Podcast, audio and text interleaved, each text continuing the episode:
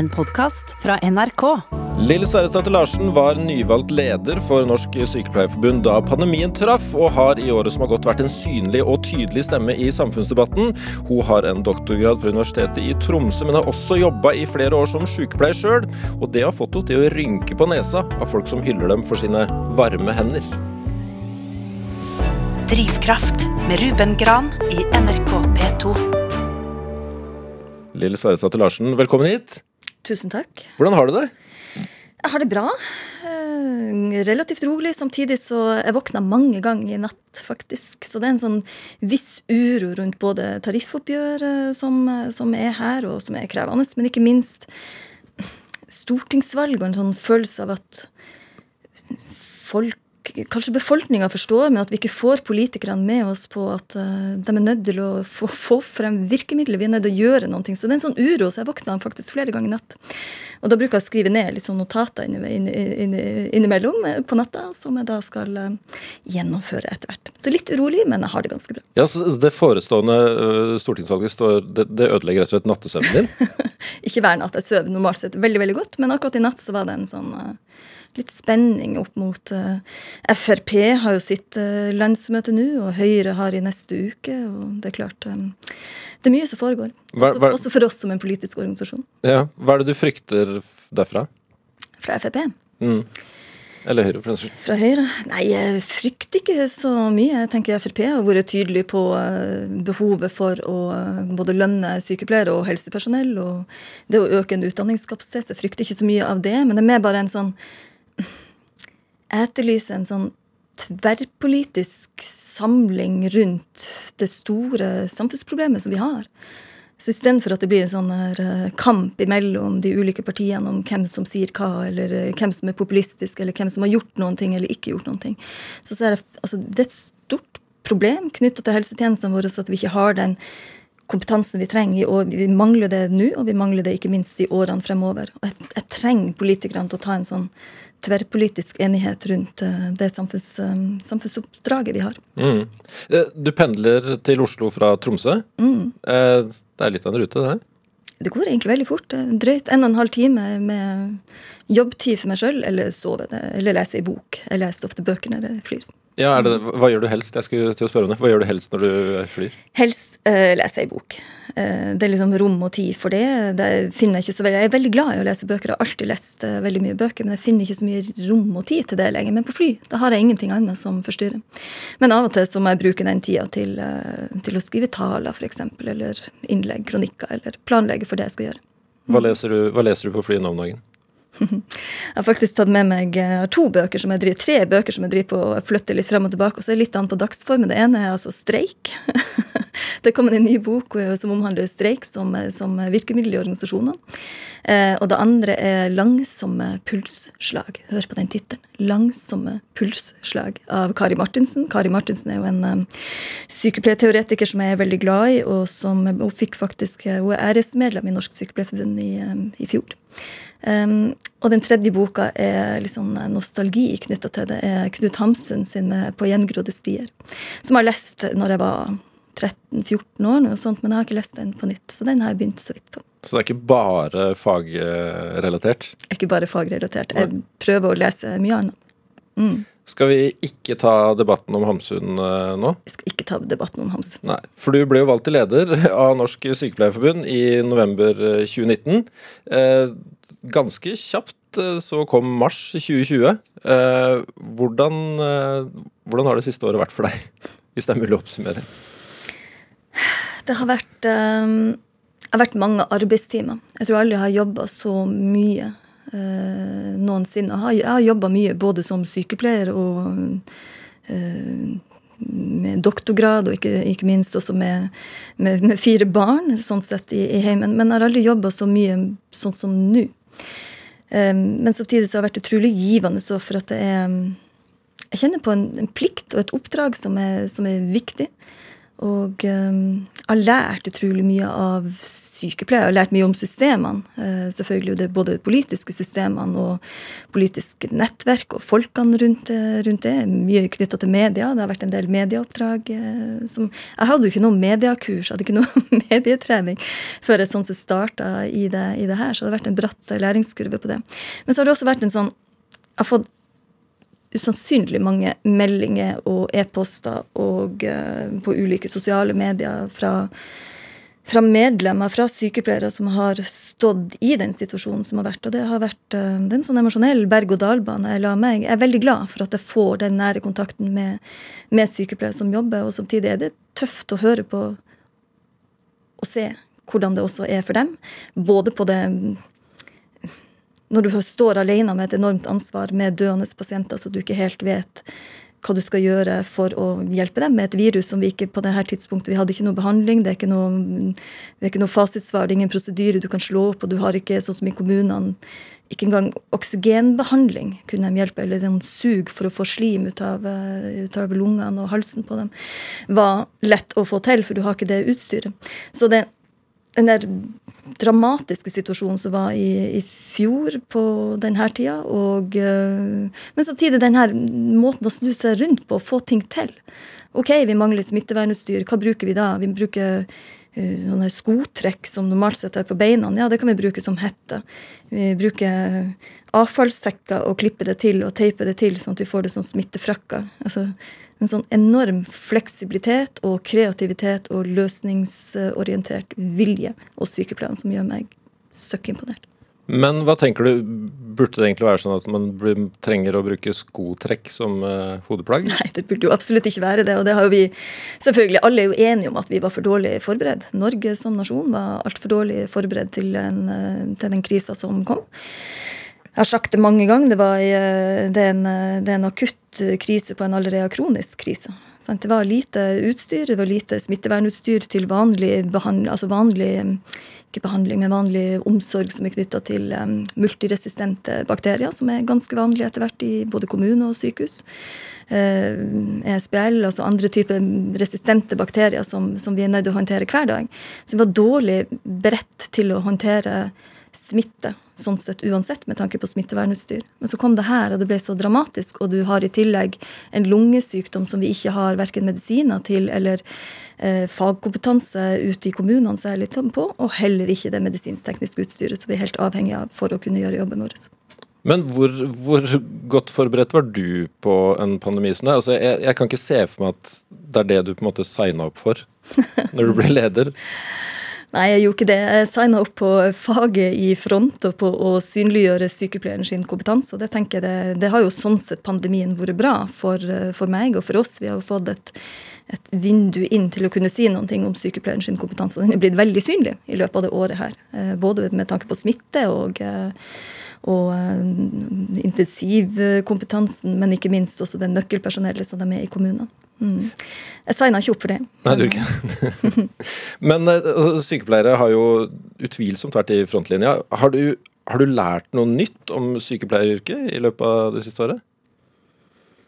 Jeg tror bare jeg har forsterka det som jeg allerede har lært, den fleksibiliteten som de, uh, som de har, som sykepleiere har. Um, jeg tror jeg sammenligna det på mitt hode så sammenligner jeg det i alle fall med det her med Vi lærer sykepleierprosessen. Når vi, når vi utdanner oss som sykepleiere, så lærer vi sykepleierprosessen. Det er å hele tida være oppmerksom på hva er problemet. Uh, finne problemet, gjøre observasjoner ikke sant, sånn at du finner problemet. Du skal um, planlegge for tiltak og iverksette tiltak som skal løse problemet. Og så observerer du det på nytt og gjør evaluering og dokumentasjon, og så gjør du det samme på nytt. Og Det samme er egentlig her at når vi ikke da har det som jeg sier, når vi ikke har det utstyret, når vi ikke har det her, hva, hva, gjør vi da? Vi observerer problemet, men vi skal gjøre noe med det. Så den fleksibiliteten som er i, uh, i sykepleierne, er, har iallfall bare forsterka seg. Det, for det blir ofte en fortelling, og, også fra min side, og det må det jo òg være. Vi er jo også en organisasjon som skal snakke på vegne av sykepleiere, så vi må fortelle om problemområdene. Men det er utrolig mye godt arbeid som er eh, av enorm betydning, ikke bare for pasienter og pårørende, men for, for hele helsetjenesten, for å få dem til å fungere, og for samfunnet, at samfunnene overalt der vi bor, vi har jo sykepleiere overalt hvor vi bor, at det skal kunne fungere. Hva, du var litt inne på det, men hva har jobben din bestått i det siste året? Jobben min har bestått i en del, selvfølgelig i media, eh, for å synliggjøre sykepleierne eh, sin jobb og kompetanse og behov for at vi skal kunne gjøre jobben vår for pasientene. Eh, så er det selvfølgelig det er mye politisk, både påvirkning inn mot og samarbeid inn mot både Helse- og omsorgsdepartementet, Kunnskapsdepartementet, Kommunal- og moderniseringsminister. Og de ulike politiske partiene for å få kraft inn på de tiltakene vi mener er nødvendige. Og Så har det vært selvfølgelig et nært og tett samarbeid med FHI, altså Folkehelseinstituttet, Helsedirektoratet, som f.eks. på hvor mye smittevernutstyr skulle fordeles ut til kommunene, eh, som vi har pusha på. At, for vi visste jo at det der eh, behovet for smittevernutstyr var aller, aller størst. Eh, sykehusene klarer seg, eh, mens kommunene mangler det i utgangspunktet. Så vi pusha på for at vi skulle få mer av det utstyret ut til kommunene. Og så er det det å møte medlemmene, snakke med medlemmer sjøl, lære opp tillitsvalgte. Så det er mangfoldig og komplekst. Hvor mange timer i uka har du jobba stort sett? Jeg vet ikke om jeg skal si det. Nei. har et, jeg har et verv, vet du, så jeg er jo unntatt arbeidsmiljøloven. Jeg bruker, å, jeg bruker å jobbe til jeg får ting til. Og da blir det mange timer. Men så er det òg Jeg var på en Marit Kirkevold er en annen sykepleierteoretiker som også er æresmedlem i Sykepleierforbundet. Og mannen hennes holdt en tale til henne en gang, og så sa han noe sånn som at hun jobba hele tida. Eh, men etter hvert så hadde han skjønt at det var ikke det er ikke jobb for henne. Er sånn, det er, hun liker det, det er hobby. Eh, det går, i, går, går, sammen med hobbyene hennes. Og det er egentlig litt det samme. Jeg kjente meg veldig igjen i det og tenkte at ja, men Det oppleves ikke som jobb, det er ikke slitsomt. Jeg liker det jo. Det Dattera mi er en datter på 14 og bruker å si at uh, 'mamma, du har sykepleier på jern'. Sorry, men jeg har sikkert det jeg, jeg, håper at jeg også kan snakke og gjøre andre ting enn sykepleier. Men, men, men det, det, oppleves ikke som jobb. Det er noe som jeg opplever en sterk pliktfølelse på at jeg skal få ting til. Ja, Gjør du noen andre ting enn sykepleierrelatert?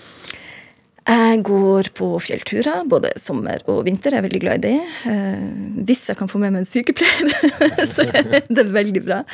Men, eh, men, også gjerne andre, sånn at vi kan prate om mangt og meget på en lang fjelltur. Jeg trener litt. Jeg eh, leser som sagt mye. Og av og til så, vet du hva, så ser jeg Netflix-serier og gjør ingenting også. Jeg er glad i slektsforskning. Mm. Så når jeg skal virkelig slappe av, da setter jeg meg med slektsforskning. Ja, har du hatt tid til det og til Netflix det siste året? Ja, litt absolutt. Det, er sånn der, eh, det og puslespill, slektsforskning, det er jo som et puslespill. Så det, er en sånn måte å bare koble ut uh, hodet på. Du hører Drivkraft i NRK P2. Det gjør du, og her har jeg besøk av Lill Sverresdatter Larsen, som altså er eh, leder av Norsk Sykepleierforbund. Og tilbake til det. Hva gjorde at du valgte å stille som leder for forbundet? Mm. Jeg har jo vært engasjert i Sykepleierforbundet som tillitsvalgt siden 2004, og har hatt ulike verv. Jeg satt i styret, i, eh, altså det nasjonale styret, forbundsstyret som det heter da, fra 2015. Og så syns jeg det var et behov for å lede organisasjonen mer tilbake på en, på en måte. Altså for grunntanken når vi starta organisasjonen i 1912, den er jo godt over 100 år, eh, var et samfunnsansvar. Det at man så behovet for å sikre befolkninga gode helsetjenester. Og da måtte vi ha ei utdanning som var tre år sant, på sykepleierutdanninga, og at du skulle sørge for at du hadde sykepleiere over hele landet. Um, så utgangspunktet var et sånn samfunnsansvar retta mot befolkninga og mot at pasientene trengte gode sykepleiere. Og så syns jeg at over år så syns jeg at Sykepleierforbundet i for stor grad ble i alle fall det som kom frem i media, ble veldig tydelig på interessepolitikken og lønn, og fordi vi fortjener det. Og det er jo òg bra. Sykepleiere fortjener jo lønn, og vi skal ha en lønn å leve av. Men det er ikke samfunnsoppdraget vårt. For Sykepleierforbundet er uansett ikke heller bare lønn. Det er nettopp det om å sikre befolkninga en helsetjeneste. Og dermed må vi ha en langt større plass eh, i samfunnspolitikk.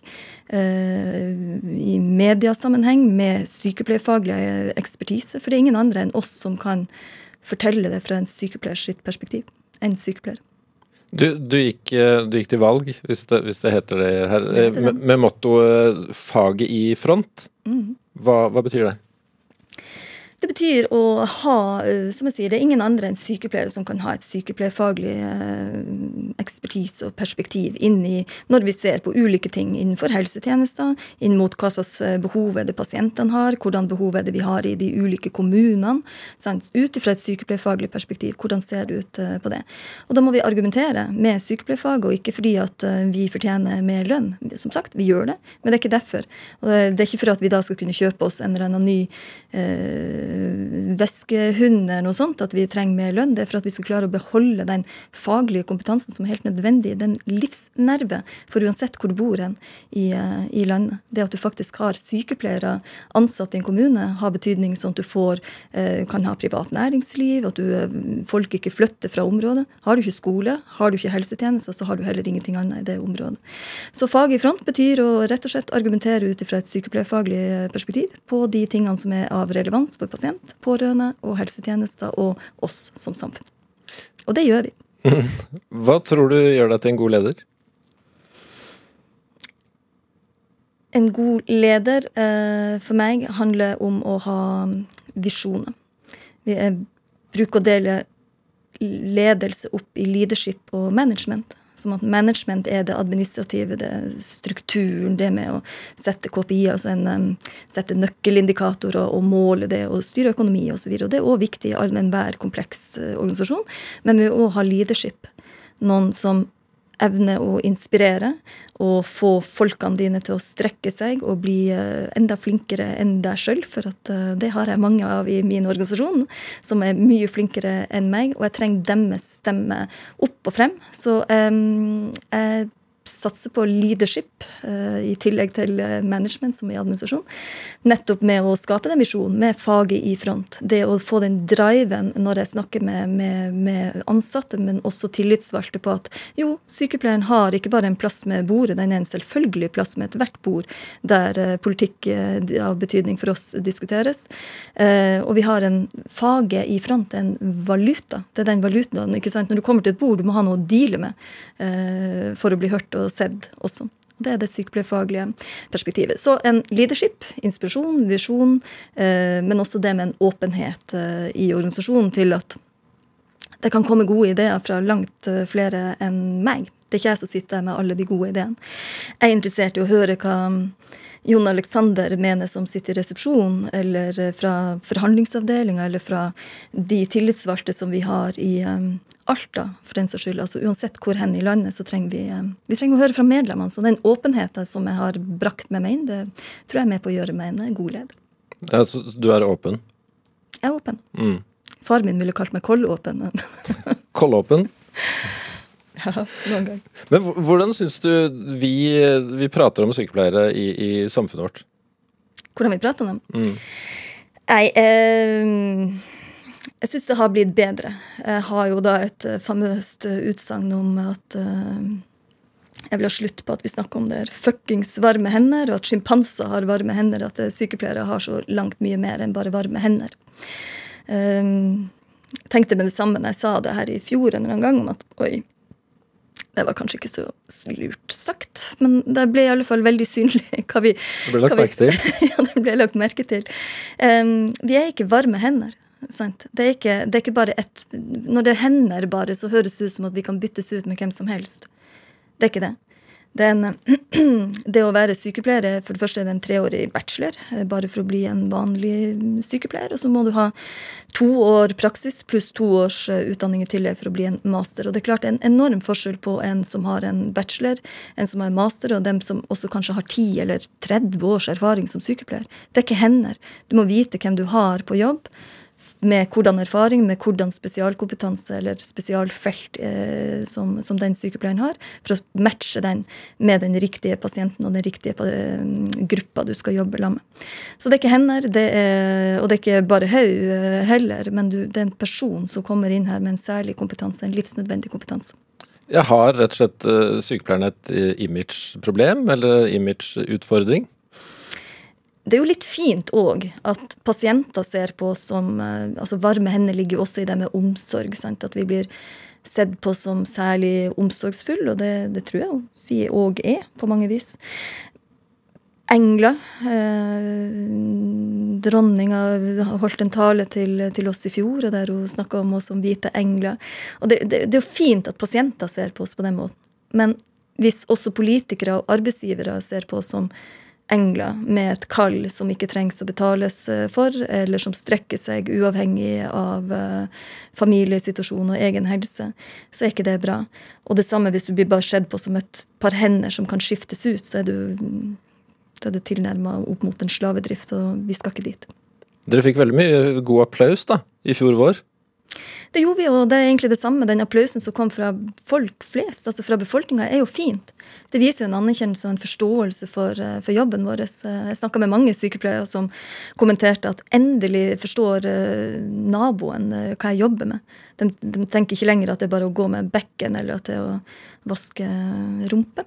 Sånn at de skjønner hva jobben min går ut på. Og det er fint, den anerkjennelsen der. Men det samme der igjen, når den applausen kommer fra statsminister eller regjering eller politikere, så oppleves det mer som en hånlig applaus og mer som et klapp på hodet. Det er ganske mange sykepleiere som beskriver.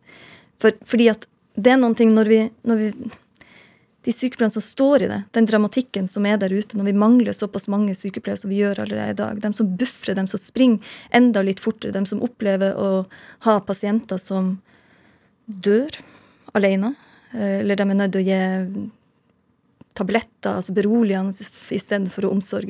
for det. Så når du står med alle de dramatiske situasjonene som gjør noe med deg, som gjør at du går hjem med dårlig samvittighet hver dag, da hjelper du ikke med applaus. Da trenger du arbeidsgivere og politikere som er villige til å se deg og anerkjenne deg på virkemiddelplan, sånn at vi får til bedre helsetjenester også fremover. Du, det er mye politikk i dette her. Eh, er det, er det sykepleieryrket som har gjort deg politisk bevisst, eller når ble du politisk engasjert? Jeg tenker jeg har vært samfunnsengasjert i hele min tid, selv om jeg tror faktisk den dårligste karakteren jeg hadde på videregående, var samfunnslærer. Jeg tror jeg fikk tre i samfunnslærer. Så kanskje ikke helt uh, sprunget ut før jeg oppdaga uh, en politisk organisasjon som Sykepleierforbundet sånn sett er.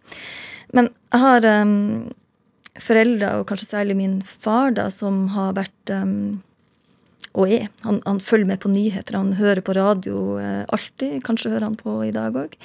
Han hører alltid på nyheter. Så jeg vokste opp i en heim der det alltid var nyheter, og det alltid var samtaler rundt det som skjedde i verden, eh, nasjonalt, men også i verden. Både med middagsbordet, men også på kveldene. Hvis jeg prøvde å snakke med han under Dagsrevyen, så var det alltid hysj. Og det ble en sånn kosestund nesten også å sitte og følge med på, um, på Dagsrevyen og på debatter på, på, den tida i lag med han. Det var vel stort sett bare NRK og TV 2 kom her på 90-tallet etter hvert. Så um, samfunnsengasjement tenker jeg har vokst opp med i familien, men, men et sånn type politisk um, engasjement har kanskje ikke funnet sin plass, i alle fall før i sykepleierorganisasjonen. Du, jeg leste en historie om at uh, under et skirenn i Italia så, så falt du og, og, brakk ryggen. Jeg falt ikke. Du falt ikke, du ble, ble påkjørt. ja, hva, hva, hva, skjedde? Nei, det falt så høres det så klønete ut. Det var ikke klønete. Nei, det var, det var Marcialonga, da. Det er et, det var et syv mil um, Altså 70 km langt, uh, langt skirenn. Um, jeg er glad i å gå på ski. Har alltid gått på ski. Uh, ikke så glad i konkurranser, men her var det liksom mer happening rundt. Det var ikke bare, bare å gå, gå, de 70 km, det var også en happening rundt. Men i alle fall så sto jeg da starta, hadde jo ikke noe starttid, sånn som man hadde ingen seeding, som det heter, så jeg starta en sånn siste bolk. Og da sendte de ut 1500 stykker samtidig i smal, smal løype i de smale gatene i Italia. Byen i Italia. da. Um, og så var det en del italienere, og alle, de går ikke like langt. De er ikke like flinke å gå på ski, alle sammen. Så har liksom ramla litt lenger ned i bakken, og jeg sto og ploga da, altså med beina i sånn ved da, for å stoppe farta, sånn at jeg skulle eh, vente til de hadde kommet seg opp. Men da kom det et gjeng til med italienere som heller ikke var så flinke å gå på ski bakfra, da, som kjørte meg rett og slett ned. Så jeg ramla skikkelig. Eh, og falt sikkert på en iskule eller et eller annet sånt. Så um, jeg merka det altså det gjorde jo skikkelig skikkelig vondt. Jeg hadde aldri knekt noe før i hele mitt liv, så jeg var ikke helt sikker på hvordan det føltes. Det gjorde skikkelig vondt, og jeg kasta opp. Uh, så jeg burde jo skjønt det, som sykepleier burde ha skjønt at jeg hadde knekt noen ting, men uh, jeg gjorde nå ikke det. Uh, så knakk sakralleddet, altså nederste del av ryggen, da. Fikk et brudd der, men det visste jeg ikke om før jeg kom hjem. Men, så jeg gikk videre. Ja, for du fullførte det rennet? ja, jeg gjorde det. Det var jo egentlig galskap. Men det gikk. Jeg hadde liksom ansvar for Jeg hadde lurt med meg ei, ei, ei venninne av meg, ei operasjonssykepleier, Elise Leiros, som, som ikke var vant til å gå på ski på samme måten. Så, og det her skjedde jo allerede etter sju kilometer. Skulle ikke gi meg gi meg da. Så vi gikk de her syv milene, og 63 av dem hadde da gått med knekt rygg. Men du sa at du ikke er konkurransemenneske. Jeg har vanskelig for å tro på deg. Men det er fordi at jeg, Jo, vet du hva, jeg er jo sikkert det på et vis, men samtidig så er jeg voksen opp i en familie der eh, søstera mi, Rita, er jo, eh, var veldig, veldig god å gå på ski. Og bror min for så vidt også. Så de har alltid liksom vært sånn eh, De var konkurransemennesker. Det var jo ikke jeg. Jeg var opptatt av å gå på tur, gå lange turer, se på dyrespor og gjøre andre ting. Mens de var opptatt av å gå fortest mulig og komme seg fortest mulig frem. Men i, i, jobben din, er det, er det viktig å være målretta der? Ja, eh, det tenker jeg det er. Og derfor, eh, Vi har jo laga strategier for, eh, for, gjennomslag. Altså Vi skal jo ha gjennomslag, selvfølgelig. For, for sykepleieren sitt, sine interesser, men, men ikke minst for, for, de velferdstjenestene vi skal ha. Også for, meg når jeg blir eldre, og for, mine barn. Så målretting er selvfølgelig viktig. Mm. Bruker, du, bruker, du, musikk for å motivere deg eller eh, tenne kampglød? Alltid. Ja, du gjør det? Alltid.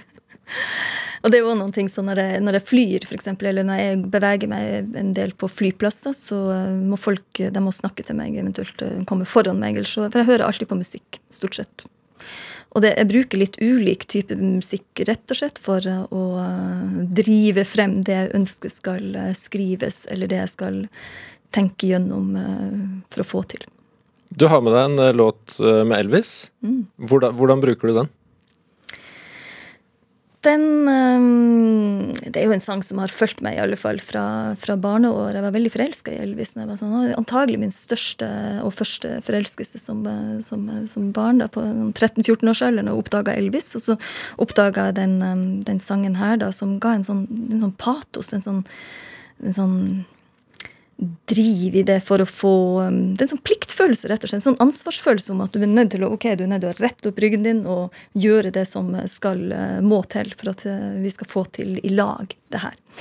Um, så den har nok fulgt meg fortsatt i årene fremover. I alle år, egentlig. Jeg er fortsatt veldig glad i Elvis. Så, men fortsatt gir den den der følelsen av å rette ryggen og av og til krumme nakken for å få ting til. Og låta det er If I Can Dream, altså med Elvis Presley, tatt med hit i Drivkraft av Lill Sverres datter Larsen.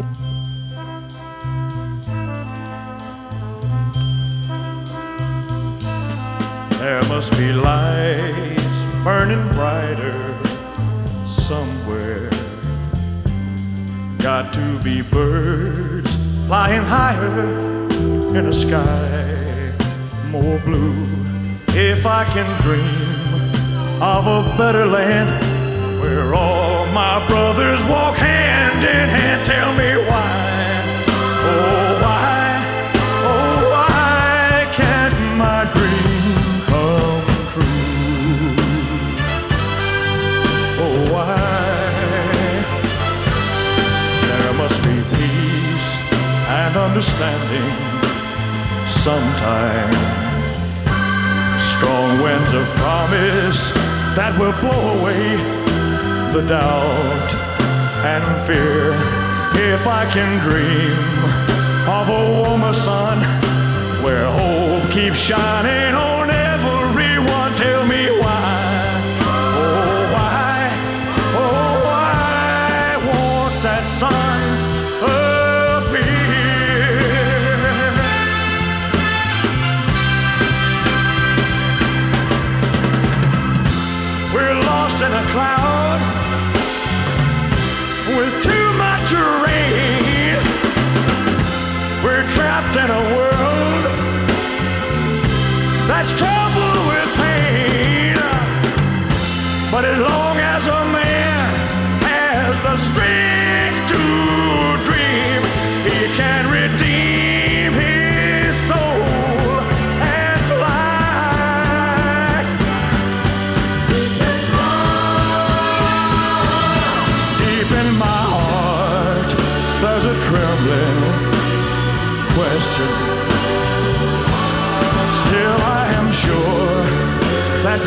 answers, answers gonna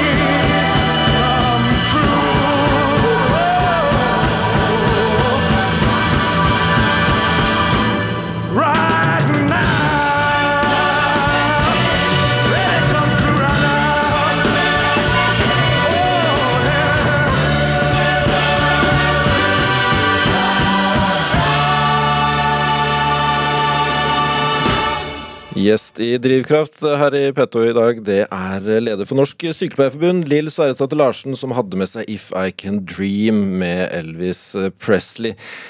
Det er store greier, det her. Ja, var den ikke fin? Den er så fin. Og lyden av oppveksten din? Mm. Delvis? Ja, delvis. Lyden av oppveksten min var nok også mye country eh, med foreldre som hørte på Johnny Cash, blant annet. Jeg husker mye Johnny Cash. Så jeg tenkte på det i går også før jeg skulle hit, at um, bestefaren min, altså min nærmeste naboer var da um, Jeg hadde bestefaren min på ene sida, hadde gammeltanta på, uh, på andre sida. Hun passa meg da jeg var liten, og så var liksom onkel og tante også rett, rettet med. Bestefaren min var veldig interessert i musikk, sånn, uh, sånn at han hørte jo en del på musikk, og så ga meg, han ga meg sin første um, kassett. da. Og da fikk jeg Alf Prøysen. Det var min aller første kassett. Så jeg har hørt på, på mye ulikt uh, opp gjennom årene. Han var jo også med på å sponse meg da inn i sånn piano-orgelkurs da i, i sin tid, og så kjøpte han synt til meg når jeg var åtte år. Jeg husker veldig godt den følelsen av å gå inn i, på Ivars musikk i Tromsø og få lov til å liksom velge meg ut en synt. Stas. Veldig stas. Og så satt han sånn hver gang han kom på, besøk, og det gjorde han jo stort sett daglig, han bodde jo som sagt rett attmed, så kom han, og da var det en slags forventning om at jeg skulle spille et eller annet til han på og da, Vidt spekter å spille. Ja, er du Hvor ofte praktiserer du nå? Altfor sjelden. Eh, Jeg gjør det av og til i helgen eh, når jeg, når jeg kommer hjem. Jeg har en eh, mann som er veldig flink til å spille gitar og synge. Døtre her som spiller gitar og synger. Så vi, vi spiller en del musikk i helgen når vi, når vi finner roen på en fredag eller en lørdagskveld. Så spiller musikk i lag og synger. Så dere har rett og slett et lite familieorkester? Ja, jeg vil ikke påstå det. Jeg tror, jeg tror ingen av oss har tenkt til å spille noen ting utafor stua hjemme, men, eh, men det er veldig koselig. Og det, det skaper òg ro, virkelig. Mm. Senke skuldrene i det. Jeg spiller trekkspill. To rader. Det visste du ikke. Det gjør du også? Nei, det visste jeg ikke. Hvor, hvor, hvor god er du der? Nei, det var jo sånn jeg gjorde det også når jeg var ungdom og spilte med et sånn eh, danse, danselag. Jeg spilte i lag med, med et gjeng da som eh, og spilte to rader, så jeg, jeg gjør ikke det heller i dag. Men eh, jeg ble faktisk intervjua av et sånt trekkspillblad. Nasjonalt trekkspillblad som hadde fanga opp at jeg spilte, spilte to rader. Så måtte jeg legge ut en liten snutt da, om at um, jeg kan det fortsatt litt. Mm. Jeg har et trekkspill. Men jeg kan ikke spille. Ja, det bør du prøve. Veldig artig. Hvor, hvor var det du vokste opp?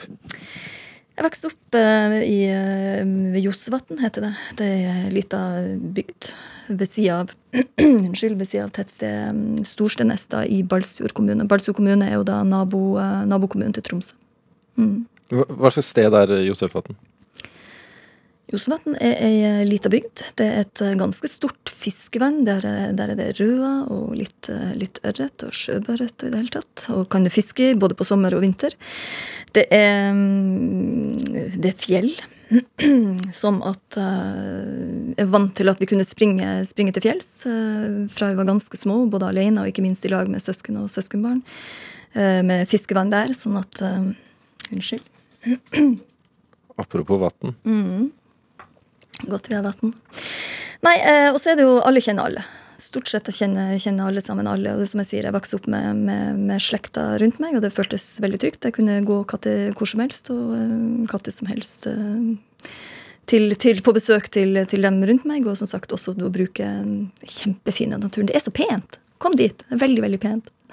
Høye fjell rundt, selvfølgelig. Hvordan tror du det har prega deg å vokse opp akkurat der?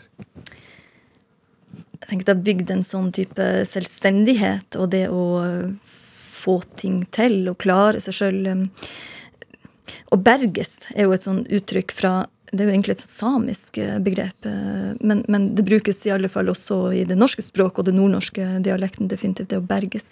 Så den selvstendigheten som vi bygger med å lære natur å kjenne fra, fra veldig tidlig alder, også, også alene, men, men, men, også den tryggheten i at um, du har familie så nært. sant? Uh, jeg hadde jo min dagmamma, da, som hun ble, da, hun gammeltanta mi, hun Anny, som, som var i nabo, nabohuset Anny og Toralf, som var i nabohuset da, på, på andre sida av veien. Og den tryggheten Jeg gikk på besøk til henne hver dag fra jeg var tre-fire år gammel da, og til, eh, til hun døde da jeg var 14. Den tryggheten med å ha noen som vil deg så vel, så nært. Du, så det har bygd en selvstendighet og en trygghet og det å berge seg får ting til. Ja, fordi dette begrepet 'lære å berges', hva, hva innebar det sånn i praksis for deg? Det innebærer at uh, jeg skal jo lære meg å gjøre ting, uh, ting sjøl. Uh, både selvfølgelig som å være ute i naturen og det å kunne fiske og lage bål og vite hvor jeg skal sette telt hen og hvordan jeg skal bevege meg. Sånn som onkelen min bruker å si, at han skjønner ikke hvorfor alle sammen skal gå etter samme sti, og hvorfor man er avhengig av en sti for å komme seg til fjells. Man ser jo hvor man skal gå hen. Så det å lære hvor, hvordan man beveger seg i natur. Men, men jeg tar det også med meg inn i hverdagslivet selvfølgelig hjemme, men også i det her eh, sant, det å møte, det, Jeg har fått en del spørsmål sånn som det her året. at Hvordan er det å møte Bent Høie eller uh, Erna Solberg, altså statsminister? Hvordan er det å møte de her folkene? Så tenker jeg at De er jo folk som vi alle sammen skal berges. altså det er noe med at er noe, De er jo autoriteter på sitt vis, men de er også folk. Jeg har ikke en veldig um, frykt for uh, folk, uansett hvem de er. Jeg hørte et eller annet om at du nærmest ble satt ut i naturen som ganske lite barn for å lære deg å berges? Ja, jeg vet ikke om jeg ville kalle det å bli satt ut i naturen. og Vi var nå ofte, ofte, i lag da, sånn sett med, med, med, søsken og søskenbarn. Men det er klart at hvis du ser forskjellen fra i dag uh, I dag så vil du kanskje være oppmerksom på hvor du sender din 8-10-12-åring av gårde, og de har mobiltelefon, og du kan finne ut hvor de er ut fra GPS-en. Mens her var det vokste opp på den måten. Det var et trygt fjell. sant? Uh, gå på fjellet, far på fisketur, og vi var borte hele dager fra åtte-ti om morgenen, og så hadde vi beskjed om at ja, du skal være hjemme til seks, f.eks. Vi var borte hele dager og klarte oss eh, sjøl fra vi var relativt små. Ja, du sitter, takk og lov, her nå. Men hva slags typer er eh, foreldrene dine? Hvilken type? Um, hva tenker du på nå? Nei, hvordan, hvordan, hvordan, er de, eller hvordan var de? Uh, ja, de er jo de er, de er heldigvis, heldigvis, i live. Um, jeg har en far som, eh, som har eh, han har jobba med mye ulikt eh, opp gjennom årene. Han var åtte år på Svalbard, som har vært med på å forme, forme han. Det er klart begge og ei mor da, som har jobba i Posten. Hun begynte jo ikke å jobbe egentlig før jeg var sånn tre-fire år. Før den tid så var hun hjemme med, med, med søsknene mine og med, med sånn som passa på eldre, eldre, eldre delen av slekta. Um, så jeg tenker jeg er voksen opp i en sånn typisk heim sikkert på 70-80-tallet som litt sånn små kår, kanskje. Uh, med rolige, trygge kår på, på alle mulige vis. Og så som jeg sier, Svalbard har definitivt påvirka faderen opp gjennom, opp gjennom, årene. Vi har hørt veldig mye positivt og fint om, fint om Svalbard. Og den måten det var å leve, leve også på, på, på, den tida. Det er klart, Svalbard på denne tida, på 70-tallet, um, der du stengte av hele samfunnet. Han var proviantlager, altså ekspedisjonssjef på proviantlageret, med ansvar da for fordeling av proviant. Når det stenger et helt samfunn, så må du fordele uh, provianten der. Så vi har hørt mye om hierarki på Svalbard og jobbe i et uh, mørkt samfunn, men med også masse lys og håp. Mm. Hvordan var du som barn, da? Jeg var eh, alltid hørt at jeg har vært veslevoksen. Eh, jeg var en eh, lesehest. Eh, satt med nesen i ei bok heller enn å springe ut hvis jeg ikke måtte. Selv på fine sommerdager så husker jeg at moderen brukte å komme og si at nå måtte jeg komme meg ut, for der lå jeg under teppet og leste etter henne. Um, men jeg var egentlig veldig glad i å være ute også. Så, um, og jeg, jeg likte kanskje aller best det å være ute alene. Uh, jeg kunne være litt mørkeredd og litt, uh, litt, uh, redd for skog og vind og sånne type ting. Men, men det å ligge ute det, det, er så mørkt. Og du har en stjernehimmel over deg og ligger og tenker på alle de mulighetene som ligger. Tenk, tenk alt det som ligger her. Hvor bitte, bitte små vi er, og hvor store sjanser for alt som kan skje. Så det er en refleksjon som er gjort på, på kveldstid under stjernehimmelen. Den, eh, den kjenner jeg av og til at jeg savner. Men hvor- lik er du deg selv som barn nå? Jeg tror jeg er ganske eh, konsistent. Eh, jeg leser fortsatt mye. Jeg liker fortsatt å gå turer, men helst der jeg kan eh, reflektere godt i lag med meg sjøl, for meg sjøl, eller i lag med, med andre. Og jeg savner Vet du, vi var i Thailand for noen år siden, og veldig, veldig fint. Men jeg får sånn Jeg begynte etter hvert på tredje uka, og særlig der i Bangkok med masse folk, så begynte jeg å savne Jeg begynte å drømme om bål. Og det å sitte for meg sjøl med et bål urban klaustrofobi eh, ble det egentlig som en sånn Det er så mye folk, det er så mye lyder, det er så mye ender du kommer meg ut, sånn at jeg får tenkt. Du, du begynte å lese ganske tidlig. Ja. Fire år. Jeg leste jo før den tid, sånn sett. Jeg, jeg har ingen minner av at jeg har lært meg å lese. Har, for min del har jeg alltid kunnet ha eh, lest. Men jeg tenker det henger sammen med at jeg har ei søster som er fire år eldre enn meg, sånn at når hun begynte på skolen, hun var sju, og jeg var jo da tre, så lærte jeg meg å lese i den samme perioden. Så um, jeg ble meldt inn da i en sånn der barnas bokklubb eh, sånn til fireårsalderen, så derfor husker jeg jeg fikk en sånn tjukk bok med Heidi får bruk for det hun har lært, eller noe sånt. heter. Jeg er veldig glad i Heidi-bøker. Eh, Så derfor vet jeg at jeg leste godt fra jeg var fire år. Mm. Hvilke andre bøker kan du huske at du leste i barndommen? Jeg leste vel ut omtrent alt det vi hadde i heimen. Jeg leste møte med mystikk og mysterier. Og, eh, og møte med det uforklarlige. det hadde foreldrene mine hjemme. Sånn spøkelsesbøker, egentlig. De, eh, jeg vet ikke om mamma og pappa var egentlig helt klar over at jeg satt og leste det her som fire-femåring. Det gjorde meg nok litt mørkeredd. Så leste jeg um, sånn her um, Hva feiler det deg?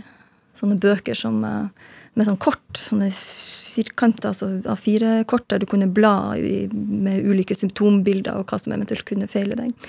Det hadde vi i heimene våre. Sånne permer med 'Hva feiler deg?' Det er deg-bøker. Mm. Hva tror du akkurat de gjorde med deg? Det vekka definitivt en interesse for, um, for helse og for uh, sykdom. Og så, som, jeg, som jeg sa her i sted, også, jeg var også gammeltanta mi som bodde rett over veien, hun Annie, og hun hadde nok en um, nevrotiske symptomer, og uh, hun ble kalt for hypokonder. Hun gjorde det. Uh, hadde en del, Hun var jo egentlig veldig frisk, men hun hadde alltid en eller annen sykdom. Så jeg husker den der følelsen av at vi brukte å sitte i lag, jeg og hun, og prøve å finne ut hva kunne det være som feila hun, og hva kunne det være eventuelt som feila søsknene hennes og andre i bygda osv. Så videre. sånn, litt sånn diagnosepreg på um, Så her, ja. Jeg gikk ikke i barnehage, jeg gikk og lærte om sykdommer på Eh, og apropos eh, det. Eh, faren din han, han ble sjuk da du var ganske ung. Ja. Hva, hva skjedde, holdt jeg på å si? Han fikk en eh, sånn eh, knute, de kalte det for, egentlig, på, på, på hjernestammen. eh, eh, blir som et slags sånn type hjerne, hjerneslag, egentlig. Han var i nei, nærmere 50, i slutten av 40-årene. Var han. Så klart, plutselig så ble Jeg husker det egentlig med altså, han, drev på å tulle med oss ungene på, på gulvet, og så plutselig bare han drev på med noe sånn armheving og tull, rett og slett. Eh, og det her var jo kanskje da jeg var seks, syv, åtte år, og så bare ramla han sammen og ble veldig syk og ble sendt på sykehuset. Og de klarte ikke helt å finne ut hva det var som feilte han, for på denne tida så hadde vi jo ikke Det var ikke MR, det var ikke CT-maskiner, men han kom jo hjem. og kunne ikke være i jobb, og han hadde altså hodet hans som liksom Han, hadde- han mista balansen, og hodet som bevegde seg omtrent av seg sjøl. Han ble kjempesjuk. Kvalm, selvfølgelig, og kasta opp mye. Um, og så ble han etter hvert sendt til Haukeland, og fikk, eh, for der var den eneste plassen på den tida etter hvert da det var CT CT-maskin, og de oppdaga hva som var feil, men det var ikke mulig å gjøre noe med på denne tida. Men så er jo hjernen er jo plastisk, og eh, blodåren finner seg nye veier, så over tid så ble han jo bedre. Men det er klart at han var, var jo alvorlig syk eh, på den der tida og kunne ha dødd. Og det er klart det, det gjorde noe. Jeg husker den følelsen av å alltid være redd for han. Um, det å legge meg på kveldene og alltid um, Jeg vokste opp i et kristent hjem òg, og med, med, med selvfølgelig med både kveldsbønn og uh, Så jeg husker den følelsen av å være redd, og det å, å be for at, um, for at han, skulle, han skulle berge seg. Vi hadde også sånn her, jeg vet ikke om du, du er vant til det, men en sånn der når gjøken eh, eh, Når du første gang hører gjøken på våren, eller når du ser sola Vi har mørketid i, i, i Balsfjord, og ser sola første gangen over horisonten. Begge de to gangene kan du ønske deg noe. Og jeg brukte å ønske meg at uh, og pappa skulle bli frisk, og at han, uh, det skulle gå, gå godt. Og, og han blei jo han ble bedre, som du sa. Han ble heldigvis mye bedre, og han uh, har hatt masse energi ut, både til idrettslag, og, uh, og han har vært leder i Storsnes idrettslag, et relativt stort idrettslag i mange, mange år. Hovedleder der. 15-16 år, noe sånt, tror jeg. Så, um, og han tok jo over mye mer ut av heimen, da, og mamma gikk ut i jobb, og han ble da hjemmeværende med oss og lærte seg å berges. Han som aldri hadde lagd middag av noe slag, eh, stilte opp med diverse Han kjøpte, opp, kjøpte noen sånn kokebøker og lagde mye rart. Mye artig. Um, så det, det, gikk jo bra. Han fikk et nytt hjerneslag da, for noen år siden som, um, som også var dramatisk. Vi var hjemme da på det tidspunktet. Dette er jo i 2013 det går bra. Og han heldigvis, som hun sier, har enda en, en pappa som er fantastisk, og har han i livet. Ja, for i 2013, som du sier, da ble det en noe dramatisk tur med, med ambulansehelikopter, blant annet. Mm. Eh, da, da, var du sykepleier. Ja. Hvordan var det å være sykepleier i den, i den situasjonen? Og hva var det som skjedde? Han ble sjuk på natta, mamma vekte meg. Vi hadde lagt oss uh, det var kanskje ett-to-tida noe sånt på natta. Hun vekte oss og sa at eh, 'Lille, du er nødt til å komme, det er noe med far din'. Og når jeg kom inn, så så jeg at han slet med å puste, og at han hadde Ja, han slet med å puste, det var egentlig hovedproblemet. Han prøvde å sette seg opp, men han klarte nesten ikke å puste i det hele tatt. så jeg tenkte mm, hjertesvikt. men mens jeg satt la med han der, så fikk han et hjerneslag som skjedde der og da. Det at jeg er sykepleier, har betydning for at jeg ringte 113 og kunne fortelle nøyaktig hva som skjedde, sånn at de skjønte at hjerneslaget det pågår nå. For det har betydning for hvor fort du kan få det heter en aktylysebehandling. Det er som en sånn plumbo for, blodåren, rett og slett, som renser opp blodåren for blodpropper, som et hjerneslag er. Um, og det har betydning. Det er sånn tidsvindu der. Sånn at, og vi bodde jo tross alt det er jo en og en halv time fra sykehus, nærmeste sykehus. Så vi er helt avhengig av at vi fikk um, helikopter til han for at han skulle rekke denne type spesialbehandlinger som ville både berge livet eller sørge for at han ikke ble, eh, fikk veldig veldig store skader pga. det hjerneslaget. Så det er jo alltid spesielt når det er noen av dine egne, men akkurat der og da så tror jeg jeg gikk inn i en sånn her sykepleiermodus med å prøve å forklare, altså se hva som skjer, hjelpe han i det jeg kunne hjelpe han med, eh, og eh, ikke minst forklare til, eh, til 113-personalet om hva som var nødvendig, og hvordan vi var nødt til å gjøre det med helikopter. Mm. Har du hatt andre jobber enn innen helsevesenet? Jeg har jobba som lærer eh, og som forsker. Det var for så vidt innenfor helsetjenesteforskning. Eh, Jeg har jobba som lærer i Næringsakademiet. Eh, jeg har jobba som bartender. Det har jeg jo gjort. Min første jobb var faktisk som renholdsbetjent. Vaskedame, tror jeg nok det het på den tida, på, på politistasjonen i, i, på Storsnes. Det ryktes at du, har, at du har vært Budwiser-babe. Ja. Budgirl heter den. Budgirl? Mm. Hva består den jobben i? Det er jo bartender, da. Eh, det det. Men det var bartender da for et spesielt merke. Det var Brewery International, da, som har eh, det er et firma, eh, internasjonalt firma som da har I Norge så hadde de da konsesjon på å selge Budwiser-øl. Så øh, det var sjefen min som han hadde da hele den nordnorske regionen da for å kunne selge Budwiser. Som da dro vi ut, jeg og flere andre Budgirls. Men ofte da alene øh, med han sjefen her da, på ulike barer rundt omkring. Og da bygde vi opp en egen sånn Budwiser-bar på den plassen, den uteplassen vi var. Og så solgte vi kun Budwiser-øl, eller annet importøl av noe slag. da, men... Øh, Veldig artig jobb. Kjente bedre enn jeg gjorde som sykepleier. Ja, Derfor fortsetter jeg faktisk med det en stund også etter at jeg var ferdig utdanna, for jeg tjente jo langt bedre. Ja, for du, du jobba som sykepleier fra 2002 til 2012. Mm. Ti mm. år. Hvordan vil du beskrive den perioden? Veldig fin eh, periode kollegialt, og alt det jeg lærer, det å lære sykepleie, det i prosedyrene, det å ha det i eh, såkalt i varme hender, men det å ha det i hender, det å kunne faget sitt. Ikke bare teoretisk, men det å kunne, det å vite hva du skal gjøre når du, når du står med personer som, eh, som f.eks. får akutt hjertesvikt. Hvilke medikamenter, hvordan du skal gi det, hvordan du skal stoppe blødning, hvordan du skal redde liv, hvordan hjerte-lungeredning. Jeg ble en racer på hjerte-lungeredning etter hvert. Det ga meg en trygghet i nesten uansett hvor jeg var, også sånn akuttsituasjoner at jeg kan, jeg kan berge liv hvis det skal være. Kollegialt er det helt fantastisk. Du er ung, du er mange unge sykepleiere i lag eh, som jobber i lag, og vi eh, er på fest i lag. og stifter familie i lag. Mange av mine aller beste venner har jeg jo fortsatt fra den der perioden. Samtidig var det tøft, det å jobbe tredelt turnus med Ja, De hadde jo tre og etter hvert da fire barn i varierende alder, altså små barn. Og så har Rune, mannen min, har to unger, eh, to jenter fra før da, som bodde på fulltid hjemme hos oss. Så klart vi hadde etter hvert både tenåringer og småbarn. Og jeg fikk liksom aldri sove. Sånn etter nattevakter, eller etter seinvakter, egentlig. Når du er ferdig på jobb klokka halv elleve eller ti, og så skal du kjøre hjem. Og kanskje spise noen ting, for har du sjelden drukket når du har vært på jobb. Du må roe deg ned, du må tenke gjennom alt det du eventuelt har glemt i løpet av eh, vakta, for å få sove. Og så skulle du på jobb igjen klokka sju. Sant? Så det ble jo en sånn fire til seks timers eh, søvn altfor ofte i løpet av Jeg ble vet du, jeg plagdes med urinvisinfusjon, jeg plagdes med migrene og eh, sant? Jeg skjønte etter hvert at jeg kan ikke fortsette å jobbe på den måten, så lenge jeg har en familiesituasjon som er på den måten som jeg hadde da, og aldri fikk sove. Ja, hvordan henter man seg inn? Jeg må jo alltid sove.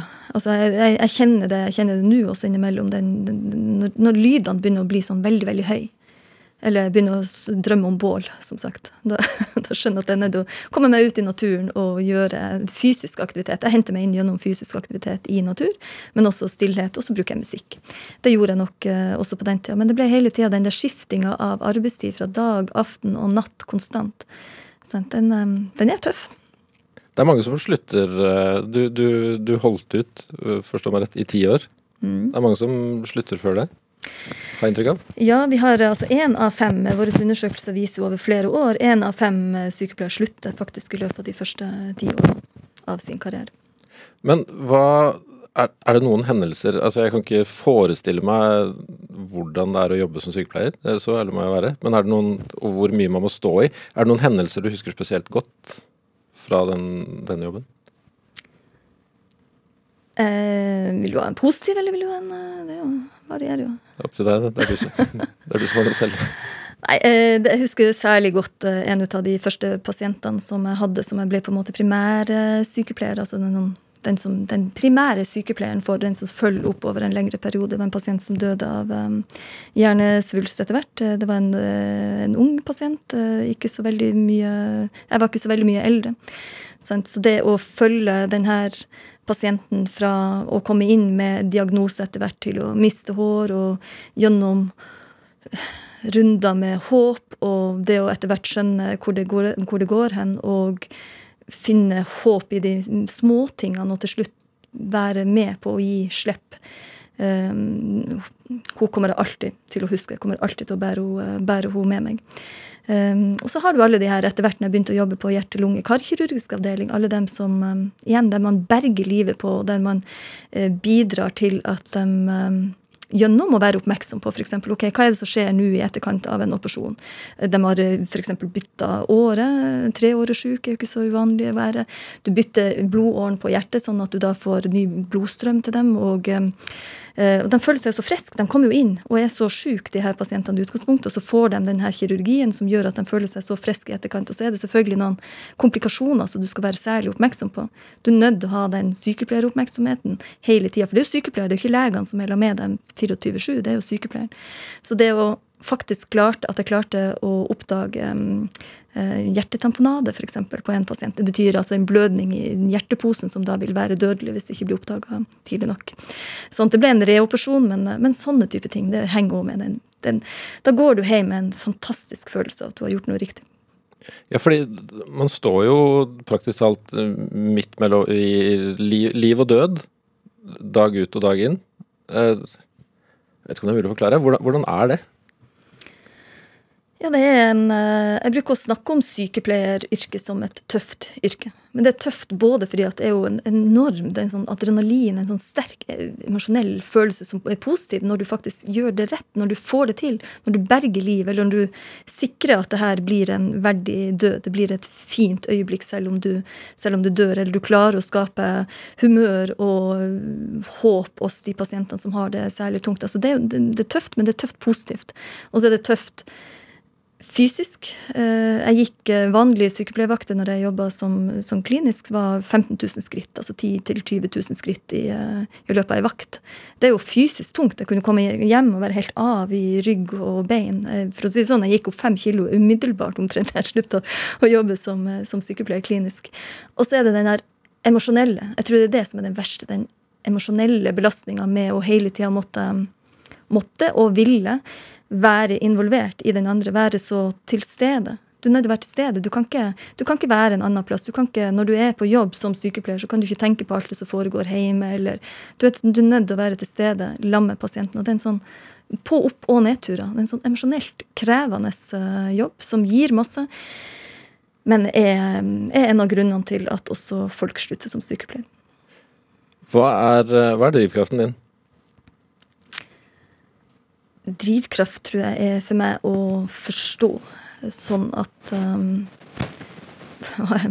jeg, er, ærekjær. Eh, Det er både positivt og negativt. For meg så prøver jeg å bruke den ærekjærheten til at jeg, eh, jeg vil forstå. Jeg blir urolig helt til jeg klarer å sette ting inn i et slags mønster som gjør at jeg kan forstå det. Det med doktorgrad, for eksempel, det å klare å finne et mønster der. Jeg, jeg var urolig helt til jeg hadde på en måte ramma for den artikkelen jeg skulle skrive.